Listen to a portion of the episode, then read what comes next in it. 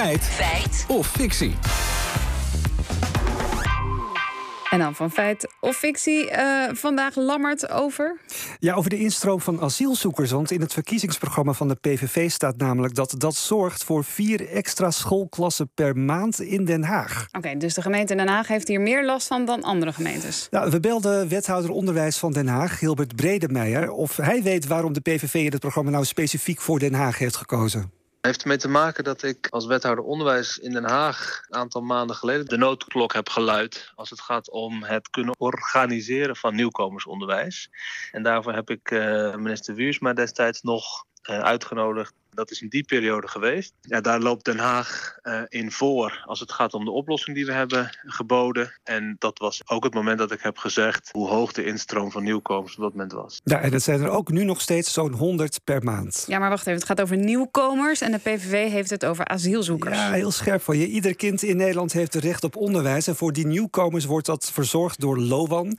We vroegen woordvoerder Harriette Boerboom of je het wel zo stellig over asielzoekers kunt hebben. Nee, dat denk ik eigenlijk niet. Omdat in iedere klas natuurlijk ook kinderen zitten uh, van uh, bijvoorbeeld Oekraïnse vluchtelingen of kinderen van arbeidsmigranten en kenniswerkers, kinderen van remigranten. Dus uh, alle leerlingen zitten natuurlijk gewoon door elkaar in een klas. En die vormen samen een klas. Ja, en de Haagse wethouder Bredemeijer die had het net over een oplossing die ze hadden. Hij legt uit wat de gemeente Den Haag precies heeft gedaan.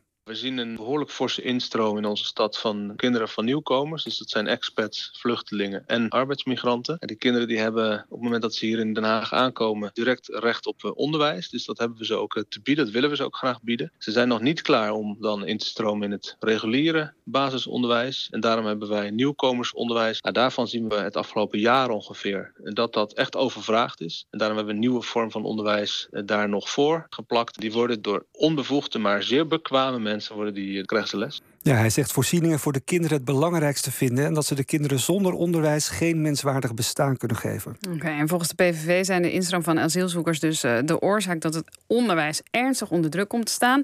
Neemt die groep toe dan? Nou, Harriette Boerboom erover. Met name de oorlog in Oekraïne heeft ervoor gezorgd dat wij hier echt heel erg veel kinderen uit de Oekraïne hebben gekregen. En uh, je ziet eigenlijk helemaal niet zo'n uh, enorme toename van uh, alleen asielzoekers als je dat vergelijkt met de andere jaren. Hoeveel asielkinderen zijn er eigenlijk in Nederland? Ja, hebben we even nagevraagd bij het COA. Volgens hen zijn er 10.500 leerplichtige asielkinderen door het hele land proportioneel per gemeente verspreid. Maar Harriette Boerboom zegt dat het veel beter kan dan dat tot nu toe gaat. We wachten natuurlijk met smart op de spreidingswet, die uh, hopelijk ervoor zorgt dat er gewoon veel meer spreiding over uh, Nederland plaatsvindt. En dus ook bij de scholen de aantallen gewoon veel minder groot zullen zijn.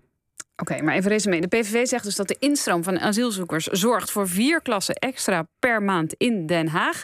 Klopt dat ja of nee? Nou, Den Haag krijgt iedere maand te maken met ongeveer 100 nieuwkomers die recht hebben op onderwijs. Dat zouden ongeveer inderdaad vier schoolklassen zijn. Maar niet elke nieuwkomer is een asielzoeker. En de precieze afkomst wordt ook niet geregistreerd door de gemeente. Dus daarom kun je dit niet met zekerheid zeggen, is het toch fictie.